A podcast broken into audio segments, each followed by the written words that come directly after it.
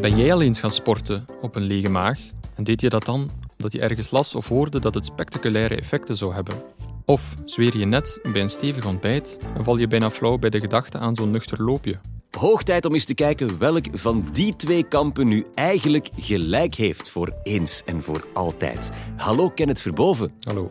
Jij bent fysioloog en dus perfect geplaatst voor een wetenschappelijke analyse van dit probleem. Mag je sporten op een lege maag?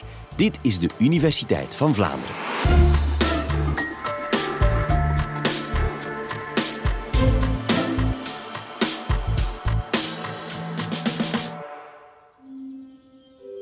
Ben je wel eens een keer opgestaan op een frisse zondagochtend genietend van een stralende lentezon? Met de vraag: ga ik nu naar de bakker voor verse broodjes? Of loop ik nog eerst even mijn tochtje door het bos? Een dilemma waar je mogelijk al ooit hebt voorgestaan, waarna je je wellicht hebt afgevraagd: was het nu slecht voor mijn training of was het overslaan van mijn ontbijt misschien wel een goed idee? Over de voor- en nadelen van nuchter sporten wordt tegenwoordig veel gesproken en geschreven. Een onderwerp waar duidelijk wel wat oneenigheid rond bestaat. Je zou kunnen denken dat het nuchter sporten inderdaad een goede strategie is. Bijvoorbeeld om gewicht te verliezen, hetgeen vaak wordt aangehaald als voornaamste doelstelling wanneer mensen het hebben over nuchter sporten. Historisch gezien is de idee om eerst iets fysiek actief te gaan doen voordat je iets eet niets nieuws.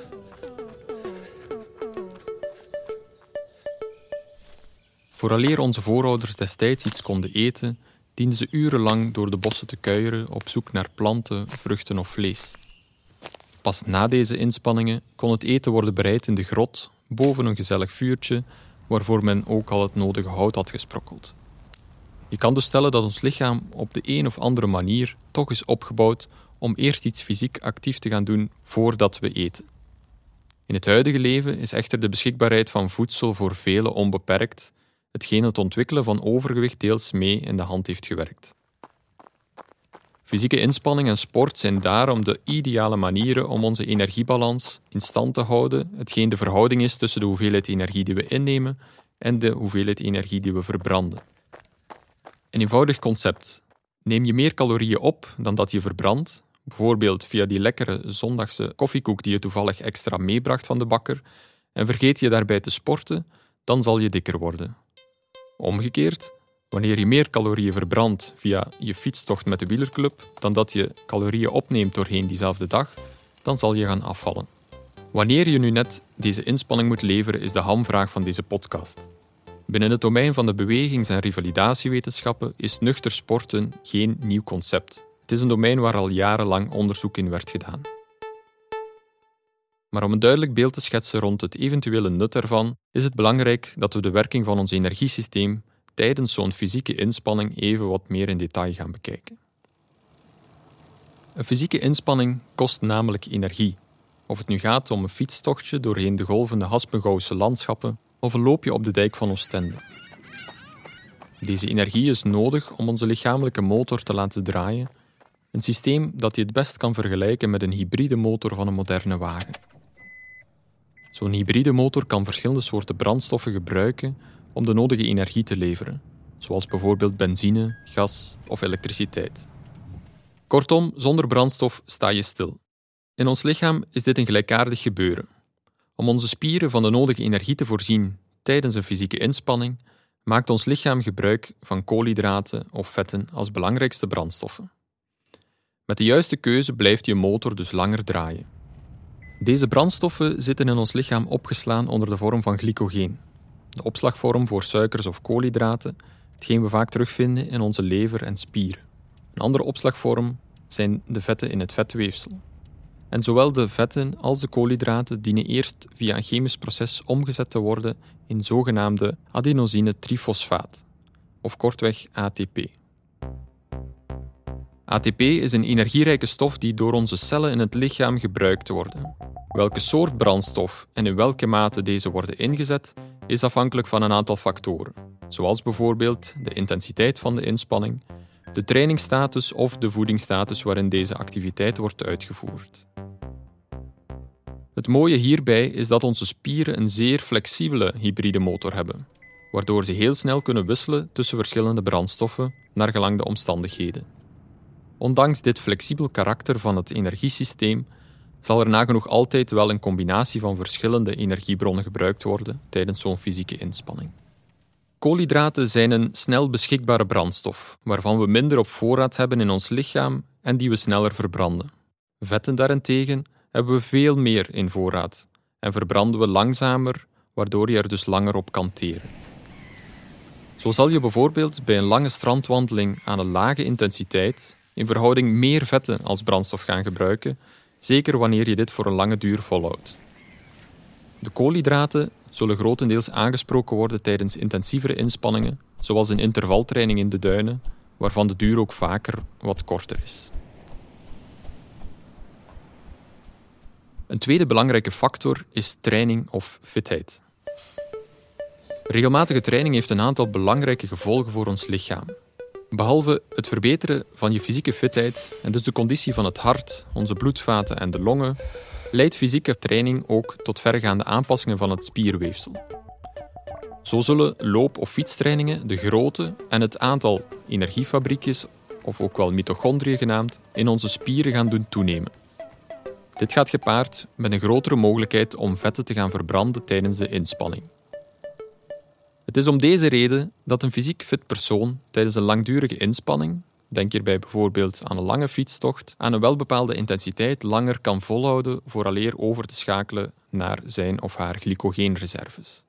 De derde en belangrijkste factor in het verhaal van vandaag is natuurlijk de voedingsstatus waarin de inspanning wordt uitgevoerd.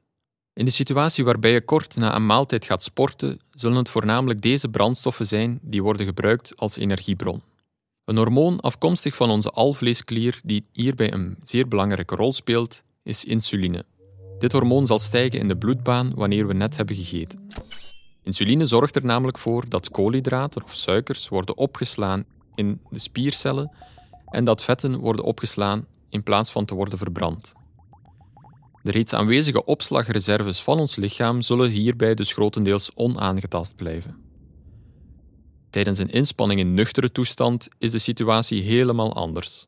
In tegenstelling tot de situatie waarbij je bijvoorbeeld de lunch overslaat om in de namiddag een nuchtere training te gaan doen, wordt in de wetenschappelijke literatuur algemeen pas gesproken over het zogenaamd nuchter trainen als je 10 tot 14 uur voordien geen brandstoffen hebt ingenomen. Het gevolg van de uren zonder brandstofconsumptie voor zo'n trainingssessie is namelijk dat de glycogeenvoorraden, hoofdzakelijk uit de lever, grotendeels zijn verbruikt doorheen de nacht. Onze hersenen zijn hier de hoofdverantwoordelijke voor. Om al onze lichaamsfuncties te onderhouden tijdens onze slaap, moeten onze hersenen natuurlijk goed kunnen functioneren, hetgeen heel wat energie kost. Wanneer je dus ochtends gaat sporten, vooraleer je naar de bakker bent geweest, gaat je lichaam noodgedwongen op zoek moeten gaan naar alternatieve brandstoffen en doet daarvoor beroep op vetten als energieleverancier.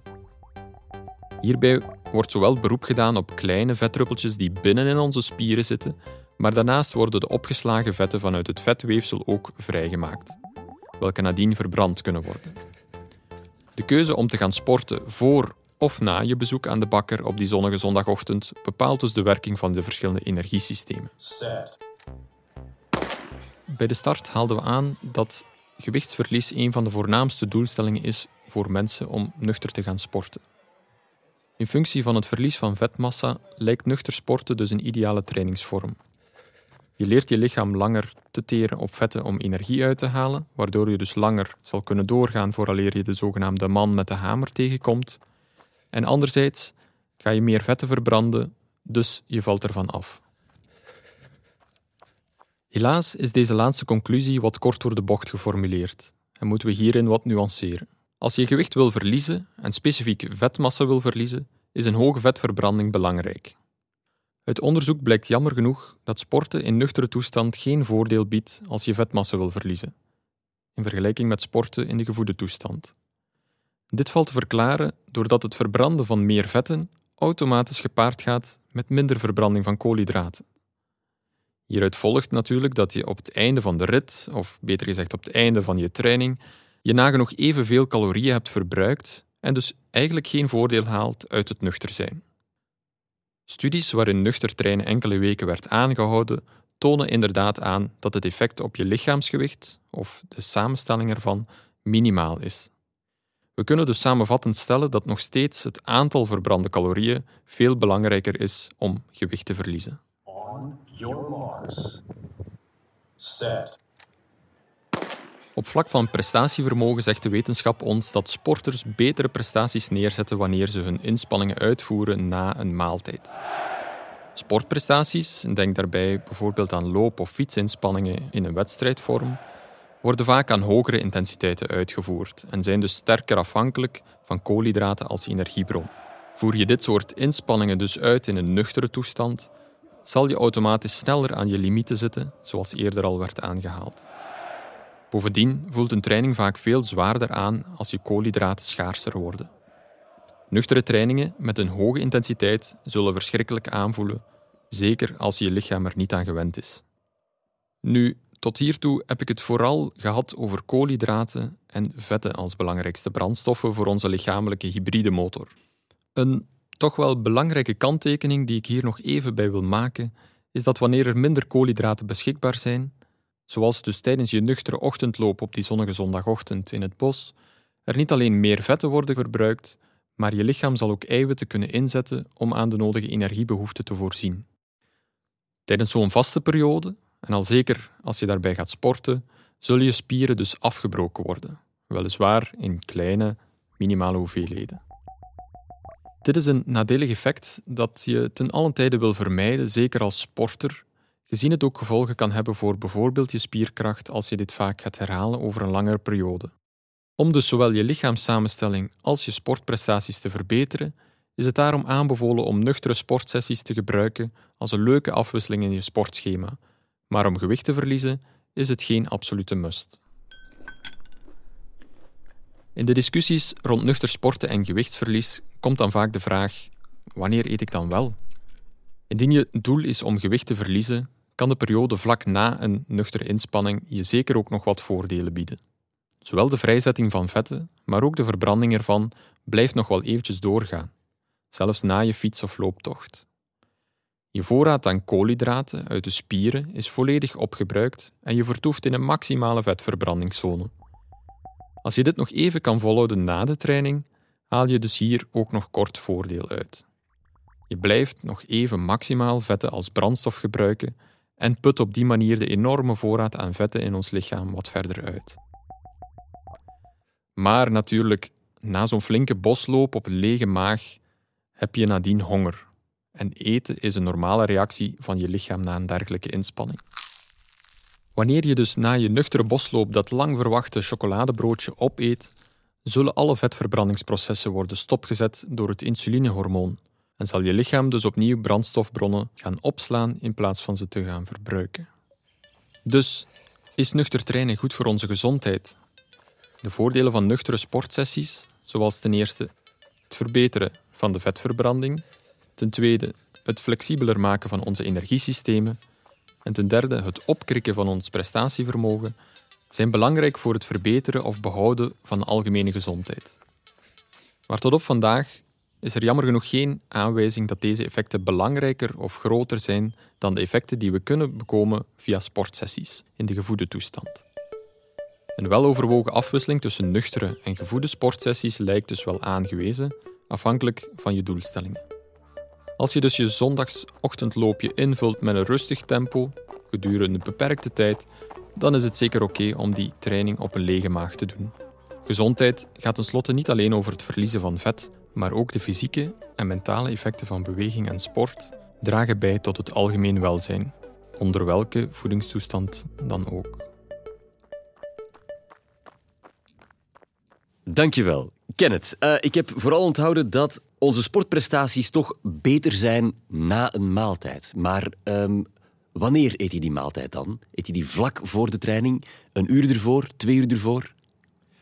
Ja, daar zijn ook wat uh, tegenstrijdigheden in, in, in de wetenschappelijke literatuur, zeg maar. Maar algemeen gesproken wordt er aanbevolen om je maaltijd toch zeker minstens één tot drie uur voor de inspanning uh, te gaan innemen. Ook weer afhankelijk van natuurlijk hoeveel koolhydraten, hoeveel vetten en, en dergelijke dat er in die maaltijd zitten.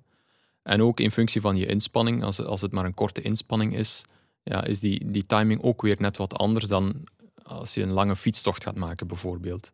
Dus het, het, hangt een beetje vanaf van, van wat je doel is van die specifieke sportinspanning. Ja, want is dat uur of, of die twee uur, is dat de tijd die ons lichaam nodig heeft om van dat voedsel beschikbare koolhydraten te maken, onder andere. Dat, dat is wat er gebeurt dan. Ja, ja, dus die energiebronnen zitten in, ons, in onze maaltijden, maar die moeten inderdaad verwerkt worden tot bruikbare brandstoffen voor hè, onze werkende spieren, die belangrijk zijn tijdens die inspanning. Dus er gaat inderdaad een tijd over vooraleer die brandstoffen beschikbaar zijn. Uh, andere brandstoffen zijn onmiddellijk beschikbaar, maar het lichaam moet de tijd eventjes hebben om, de, om die verwerking te doen. Ik vind het persoonlijk comfortabeler om nuchter te sporten. Gewoon omdat met een volle maag sporten, om het dan uh, met een, een, volksuitdrukking te zeggen, niet aangenaam is. Mij is ook bijvoorbeeld aangeleerd dat je nooit mag eten voor je gaat zwemmen, bijvoorbeeld. Zijn dat onnozele volkswijsheden? Ja, ik denk dat dat een persoonlijke, persoonlijk aanvoelen is. voor jou komt nuchter sporten nu beter naar voren. Voor andere mensen is dat ja, iets wat helemaal niet aangenaam is. Dus dat is ja, echt een persoonlijke ervaring, denk ik. Maar algemeen gesproken is het goed om je eh, lichaam even te laten rusten vlak na een maaltijd. Vooraleer dat je dan inderdaad die, die sportinspanning gaat, gaat van wal steken. Dus, je had het over een chocoladebroodje van de bakker. Um, wat je eet is natuurlijk ook belangrijk. Als je voor een training eet, ga je dan voor de, de banaan of de spaghetti bolognese? Ook daar weer, het is, voor een stuk afhankelijk van welke inspanning dat je gaat leveren nadien. De banaan is inderdaad een, een goede manier om snelle suikers uh, te, gaan, te gaan innemen, zeg maar. Die ook veel sneller beschikbaar zijn dan, dan bijvoorbeeld de suikers uit, uit je spaghetti bolognese. Een tweede nadeel van een spaghetti bolognese is het stukje bolognese. Daar zit gehakt in, wat natuurlijk heel veel vetten uh, met zich meebrengt.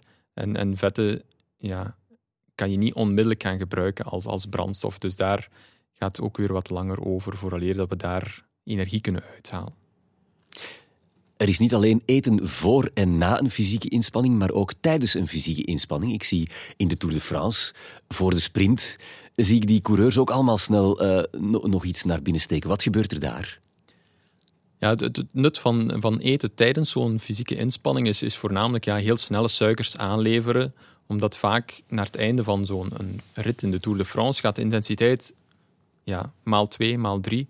Dus die, die jongens hebben heel veel energie nodig, komen in een zone waar je heel, uh, heel weinig zuurstof hebt voor de spieren en je dus moet omschakelen naar een energiesysteem dat andere energiebronnen nodig heeft. En vandaar die snelle suikers die ook op een zuurstofarme manier kunnen verbrand worden om energie uit te halen. Dus vandaar de, de, de gelletjes en, en de en de extra drankjes in die laatste fase. Dankjewel, Kenneth Verboven. En jij bedankt om te luisteren. En ik wil ook nog onze partners bedanken, die ons al honderden afleveringen lang zo trouw steunen. De vijf universiteiten, de VRT en KNAK. Heel graag tot een volgende keer.